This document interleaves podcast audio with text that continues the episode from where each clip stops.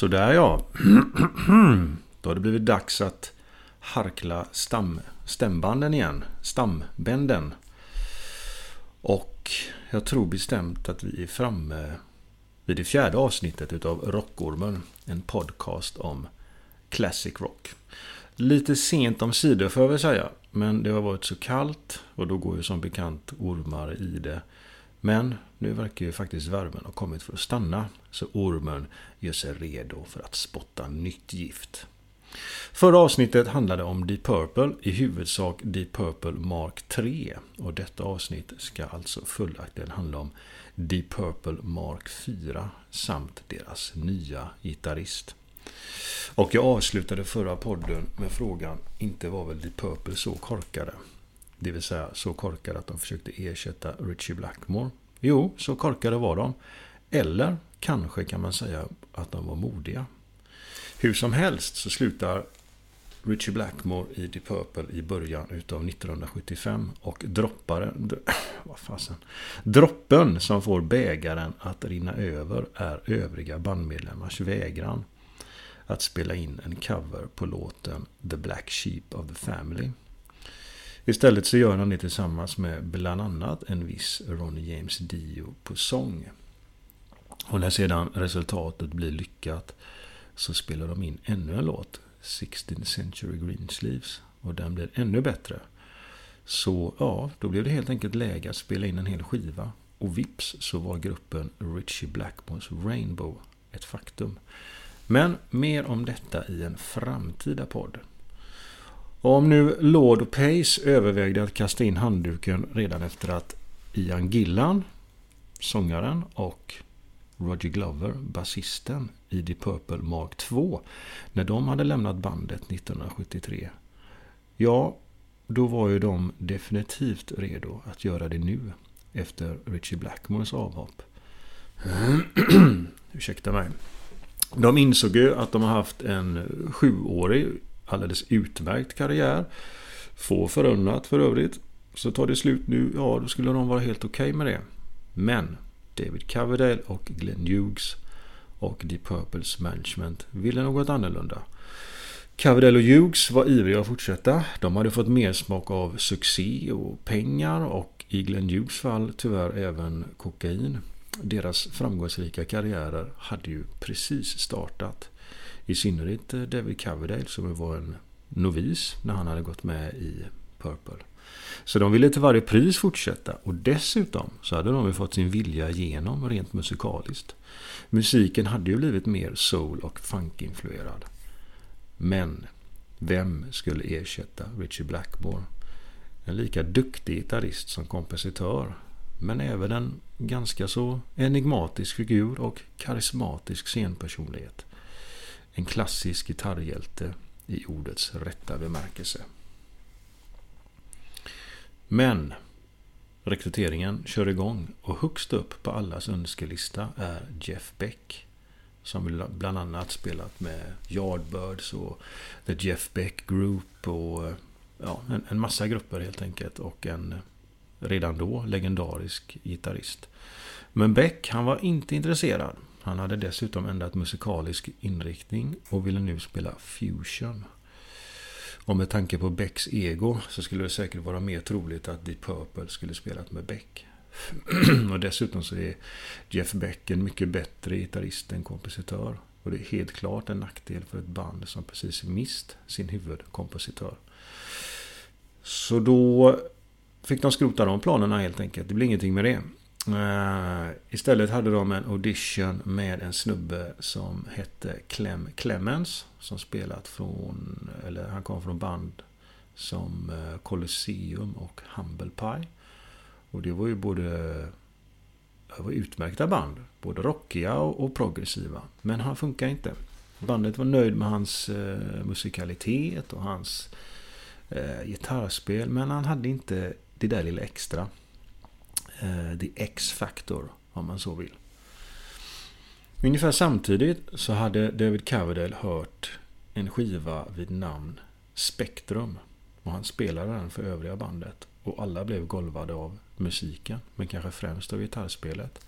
Som visade sig skötas av en ung herre vid namn Tommy Bolin. Och i slutet av 60-talet så hade Tommy Bolin hunnit spela gitarr i en rad olika band. Men det var först med bandet Sapphire som det började lossna. Och Sapphire var ett eh, ganska så habilt rockband som han släppte några skivor och hade viss lokal framgång. Men gjorde inget större väsen av sig. Så efter att Sapphire splittras så bildas istället bandet Energy. Som musikaliskt blir en helomvändning och istället spelar jazzrock. Alltså fusion, en sammansmältning utav jazz och rock. Mm. Och bandet är ju mycket kompetent. Rent musikaliskt. Och Tommy Bolin börjar nu också få en hel del uppmärksamhet i egenskap av gitarrist. Snacket börjar gå helt enkelt. om denna både duktiga och mångsidiga gitarrist. Och bandet Energy når artistiska framgångar och får en liten men dedikerad fanskara. Men den kommersiella framgången uteblir och bandet splittras under början av 1973. Och det är ungefär vid den här tidpunkten som Tommy Bolin får ett samtal ifrån Billy Cobham. Och Billy Cobham, han var vid den här tidpunkten trumslagare i Mahavishnu Orchestra. Och Mahavishnu Orchestra var vid den tiden det mest kända fusionbandet. De hade till och med fått en eh, mindre eller kanske större hit. Om man nu lyckas få hit som, som ett fusionband så får man nog eh, vara nöjd med det. Deras andra skiva Birds of Fire hade börjat göra lite väsen av sig och ja, de hade väl lyckats göra fusionmusiken om inte en megahit så åtminstone eh, rumsren. Och att eh, snacket hade börjat gå lite grann om genren som sådan. Men hur som helst så var Cobham nu sugen på att göra en soloskiva. Och ta ut svängarna mer än vad han kanske tilläts göra i Mahavishnu Orchestra. Och det intressanta är att han hade ju säkert kunnat få vilken gitarrist som helst eftersom Cobham var betraktad som den bästa trummisen inom fusion. Vilket inte säger lite. Alla som spelar den här typen av jazzrock var ju helt gudabenådade musiker. Men han valde Tommy Bolin. Dels hade han hört honom eh, och träffat honom tidigare och tyckte att han var eh, trevlig och skön snubbe. Men han hade också hört honom spela och blivit imponerad. Inte minst utav en version av en låt som hette Sister Andrea. Som han spelat in tillsammans med Jan Hammer. Eh, på piano. Och den hade imponerat honom eh, djupt. Så jag tror att Billy Cobham valde Tommy Bolin just för att han hade den här lite... Eh, han var väldigt skicklig men också att han hade en rå, rockig approach. Jag tror att han ville ha lite grann en, en konstnärlig friktion om man så ville till den här skivan och till den här inspelningen. Och det blir också intressant därför att eh, Tommy Bolin kommer in eh, och han är helt oskolad. Och vad den de här jazzsnubbarna rent musikaliskt kastar till honom eller åt honom så svarar han med något eh, riktigt spänstigt och eh, han lyckas improvisera eh, ja, på ett väldigt lyckat sätt. Och det är kanske trots eller tack vare som man inte kan, eh, som man inte kan läsa musik. Han blir en eh, katt bland hermeliner kanske man kan säga. Och den här inspelningen den görs snabbt under bara några ett par dagar. I maj 1973. Och Bolin han är jazzig, han är funkig, han är rå, han är rockig, han är oskolad, det blir friktion. Han har nästan en liten eh, Eh, fuck, off, eh, fuck off attityd i sitt spel. Och det blir, här blir ju gitarrattacker som faktiskt bara sprutar ur hans fingrar. Men alla andra står ju på, på, på tå också och har bra idéer. Och de lyckas fånga något som blir, det blir mycket spontant och explosivt under inspelningen. Och det saknar nästan motstycke skulle jag säga. Det är fascinerande men också väldigt krävande lyssning. De flesta antar jag har väl inte hört skivan trots att den är lite grann av en, eh, eller den är definitivt en klassiker inom fusion-genren. Men det finns en låt som heter Stratus på skivan. Det är en riktig, en riktig monsterlåt. Lång och som inleds med typ två minuters trumsolo. Det ligger den lite grann i fatet. Men det jag ska komma till är att den låten samplade eh, trip-hop-gruppen Massive Attack. De har med den från deras, eh, på deras debutskiva från 1991. Eh, jag tror det är låten Safe from Harm. Som, eh, ja, det blir fantastiskt lyckat. Grym skiva för övrigt.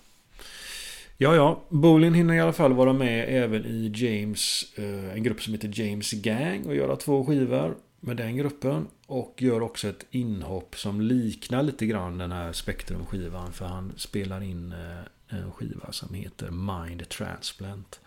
Också med en Jazz Fusion-trummis. Eh, den här gången vid namn Alphonse Moussoon. Som sen spelar, spelade, eller spelar, jag vet inte riktigt. Med Weather Report. Också fusiongrupp. Men efter det, då har det blivit dags för en audition med Deep Purple i mitten utav 1975. Och det visar sig att eh, Tommy Bolen har allt det som Deep Purple önskar sig. Han ser cool ut, han har självförtroende utan att vara dryg och kaxig. Men han är en skön och trevlig snubbe. Och framför allt så kan han spela. Och det intressanta är att det faktiskt finns inspelningar som existerar eh, när de repar inför den kommande skivan. Som heter Days May Come and Days May Go. Och eh, mycket av det är ju, alltså, man kan väl säga att de, de trampar vatten och de känner sig för. Men det finns några ögonblick, bland annat under någon låt, om jag minns rätt här nu, som heter The Last of the Long Jams. Där ungefär två minuter in så bränner Tommy Bolin av ett sånt här väldigt, för honom, karaktäristiskt gitarrsolo. Och då, varje gång jag hör det så tänker jag att ja, men det var nog där och då som Deep Purple kände att det här, det här kommer att bli bra. Vi har gjort ett bra val. Eh, men till sist har de i alla fall så mycket material så att de kan spela in en skiva och det gör de i augusti eh, och september 1975 och den släpps i oktober 1975. Och skivan får heta Come Taste the Band. Och det är ju i första hand en, eh, en hård och på sina ställen ganska så rå rockskiva. Fast med tydliga funk och solinfluenser.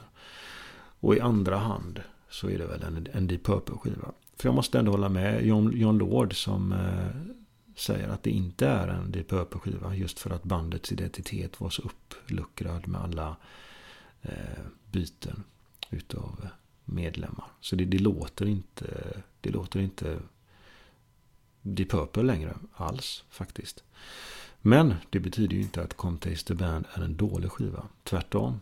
Det är faktiskt en av de bättre skivorna som bandet gjorde. Eh, och för många, eh, alltså även Deep Purple-fans, så är det nog lite av en blind fläck i Deep Purple-diskografin. Vilket är synd såklart. För jag skulle vilja påstå att det är den skiva som sticker ut mest i hela diskografin. För den lyckas med konststycket att låta både splittrad men ändå jämn. Den är mindre förutsägbar än tidigare skivor. Och det tyckte även en del kritiker vid tidpunkten. Den är råare och rockigare än sin föregångare Stormbringer. Men samtidigt så finns här också några starkt solpräglade mjuka låtar. Och den lyckas låta både engelsk och amerikansk på samma gång. Och någon låt låter som det framtida Whitesnake med Coverdale i spetsen.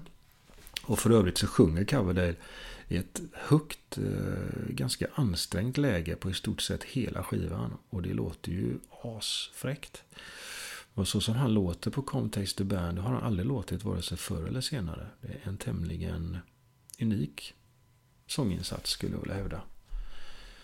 Uh, sen har vi funkrocklåten eh, Getting Tighter som är värd att nämna för sitt sanslösa sväng. Och Glenn Hughes briljerar som vanligt på sång. Och sjunger som en hård solsångare. Det är, eh, ja, det är snudd på perfektion. Tommy Bolins gitarrton den är rå och ganska så mm, grovt tillyxad. Nästan lite skev ibland. Skär igenom hela skivan. Och i öppningslåten så använder han sin käraste leksak. Hans Eh, älskade får man väl säga. Ecoplex. Som ger en, eh, ja, i brist på bättre ord, ekovibrationseffekt. Och Bolin sjunger även en kort snutt på skivan. Han sjunger sticket i dealer. Och det med den äran. och i den pianobaserade This time around så får Glenn Hughes chansen att leva ut sina allra våtaste Stevie Wonder-drömmar. Och resultatet är ju inget annat än fantastiskt. Det blir ju 70-talsmys av ädlaste kvalisort. I den instrumentala O2G skriven av Tommy Bolin så uppvisas en ny sida av Deep Purple. Och det får vi som sagt tacka Tommy Bolin för. Och apropå Whitesnake så är kanske låten I Need Love det främsta exemplet på vad som skulle komma för David Coverdale och hans kära Whitesnake. Testosteronstinn, eh, svängig och lite korkad men övertygande rock helt enkelt. Tyvärr så är det betydligt mindre av Glenn Hughes och David Coverdales sköna harmonier. Och detta blir nog det enda negativa jag kan komma på att säga om skivan. Men det är ju en tröst att både David Coverdale och Glenn Hughes sjunger lika bra på egen hand. Men så i avslutande You Keep On Moving så får vi njuta av deras skönaste stämsång en sista gång. Och det här är ju en av Deep Purples bästa och mest stämningsfulla låtar. Och båda herrarna briljerar. Och det låter så mycket 70-tal att det nästan blir komiskt. Så, som sagt. Come Taste the Band, den minst förutsägbara skivan som Deep Purple gjorde. Och därför så sticker den ut på ett mycket positivt sätt. Men för många fortfarande en blind fläck på Deep Purple-kartan. Um, en annan sak värd att nämna är att 2010 så kom det en eh, remasterad och remixad version av Come Taste the Band. Och jag tycker aldrig, aldrig, aldrig att det blir bra eller lyckat med den här typen av eh, utgåvor. Men nu gör jag ett undantag. Och det är för Comtaste Band. För det blev ännu mer lyckat. Eh, speciellt vad gäller remixen. Um, det blir lite mer Tommy Bolin och det blir liksom en annan punch när man lyssnar på skivan. Så den versionen kan jag varmt rekommendera. Regeln som bekräftar undantaget, eller vad brukar man säga? Ja, ja. Comtaste the Band, den säljer ju sämre än föregångaren Stormbringer. Uh, typ plats nummer 19 i England och 43 eller något liknande i USA. Och den efterföljande turnén blir ju minst sagt ojämn. Så, alltså, visst så, så glimmar det till emellanåt. Med, inte minst i början av turnén. Men överlag så hör man ett band som håller på att falla isär. För Coverdale och Hughes de tävlar allt som oftast om vem som kan skrika högst. Och resultatet är ibland horribelt. Eh, Hughes skrikande blir väldigt tröttsamt efter ett tag. Eh, säkert tack vare ett högt kokainintag. Vilket gjorde att han eh, tappar omdömet fullständigt. Och Coverdale som ju är en väldigt säker sångare. Han sjunger faktiskt falskt. Eh, eh, inte sällan. Och Tommy Bolins spel är minst sagt ojämnt. Märkt av både missbruk och, och frustration. Han har ju hamnat i, i, en situation där han vill spela eh, på, på, ett eget sätt. Men när han inte gör det så får han höra att han, inte, att han är mycket sämre än Richie Blackmore.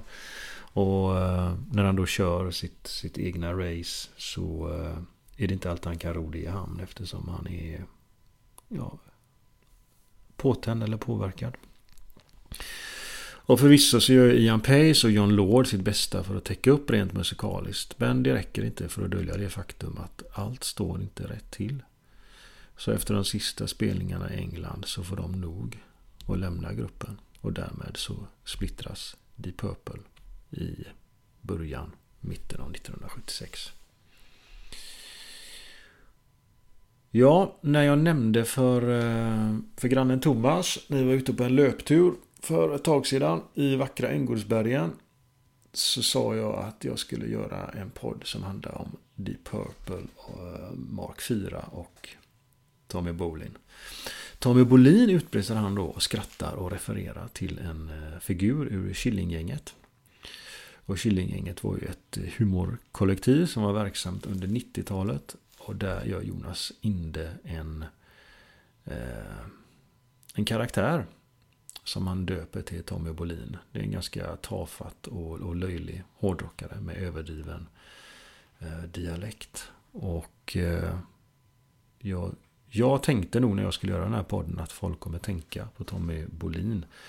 Det finns kanske fler människor som känner till Tommy Bolin istället för den riktiga Tommy Bolin.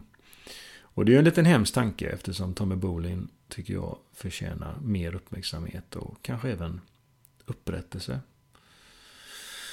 Själv minns jag att, eh, jag, visste, jag förstod inte det riktigt då, men eh, jag fick ju faktiskt sämsta tänkbara ingång.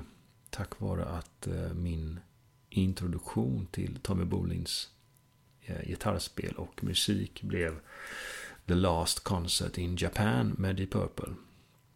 En konsert som eh, enligt myten och legenden eh, att först hade han skjutit upp heroin, Tommy Bolin, och sen somnat på armen eh, dagen innan konserten. Så att han var helt, ja, mer eller mindre förlamad och inte kunde spela. Eh, och jag tyckte också det var något som fattades när jag lyssnade, när jag lyssnade på den skivan. Eh, det var bra låtar men kanske inte så bra framfört. Men den hade en låt som heter Wild Dogs. Och den kände jag inte igen alls. Men jag tyckte väldigt mycket om den. Men ganska snart efter det så kunde jag lägga vantarna på vad som visade sig vara hans andra soloskiva, Private Eyes. Och jag blev helt såld på den. Jag tyckte den var helt grym. Och många av mina polare tyckte likadant. Den gick varm i pojkrummet. Och ett tag efter det så kunde jag också köpa hans första soloskiva, Teaser. Som han, ju, han faktiskt spelade in och släppte samtidigt som han gick med i Purple. Och när man lyssnar igenom de här två skivorna idag, back to back så att säga, så framgår det så tydligt tycker jag att Bolin gör sig bäst. På egen hand. När han slipper vara inhyrd för att göra gästspel eller slipper vara ersättare för någon i ett redan etablerat band. För de här skivorna de är fyllda av genomarbetade och mogna låtar. De visar upp en stor musikalisk bredd och allt är framfört av mycket duktiga musiker. Samtliga antagligen handplockade av Tommy Bolin. Och dessutom så låter det fantastiskt bra. Och produktionen är klanderfri. Och även den skött av bland annat Tommy Bolin. Så han var ju på många sätt eh, väldigt komplett som musiker. Han var mångsidig, han var producent, eh, fantastisk på gitarr, duktig musiker. Så eh, ja, resultatet blir mycket imponerande. Men lika stor aptit som han hade på musik, lika stor aptit hade han på festande och i droger. Och i Tommy Bolins fall så blev det faktiskt helt ödesdigert att få en plats i ett så stort band som The Purple. Det blev lite grann som att ge ett barn nycklarna till en godisbutik. Och hans redan etablerade heroinmissbruk ökade ju markant. Så efter att eh, Deep Purple har splittrats där någonstans i, jag tror det var mars 76, så fortsätter han att Eh, och, och spela och turnera, men då med sitt Tommy Bolin Band. Och det är ett kompetent band, jag har lyssnat en del. Men det når liksom aldrig riktigt ända fram. Och det är tyvärr tack vare Tommy, Tommy Bolin själv som tycker jag har tappat eh, gnistan. Så i slutet av 1976 efter en spelning så eh, avlider han av en överdos. Och i blodet så hittar man rester av heroin, kokain, alkohol och lugnande tabletter. Och Tommy Bolin blev 25 år gammal. Lika meningslöst som tragiskt. Men också det lämnar eh, för mig som fan av 70-talsrock så, så lämnar det en känsla av frustration, inte minst med tanke på om man tänker på eh, hur magiskt bra det kunde ha blivit med eh, om Tommy Bolin och Glenn Hughes kanske fortsatt att lira ihop. Och han plockade ett band med någon eh, ja, duktig trummis och någon duktig keyboardist och så vidare. Kanske saxofonist också. Hade de kunnat göra, uträtta underverk. Ja, ja, jag får fortsätta eh, drömma om det. Nu är det fjärde avsnittet av Rockormen eh, slut. Och nu lämnar jag Deep Purple bakom mig, höll på att säga. Fick räcka för den här gången med Deep Purple. Tack för att du har lyssnat. Och ja, vi hörs helt enkelt. Hej då!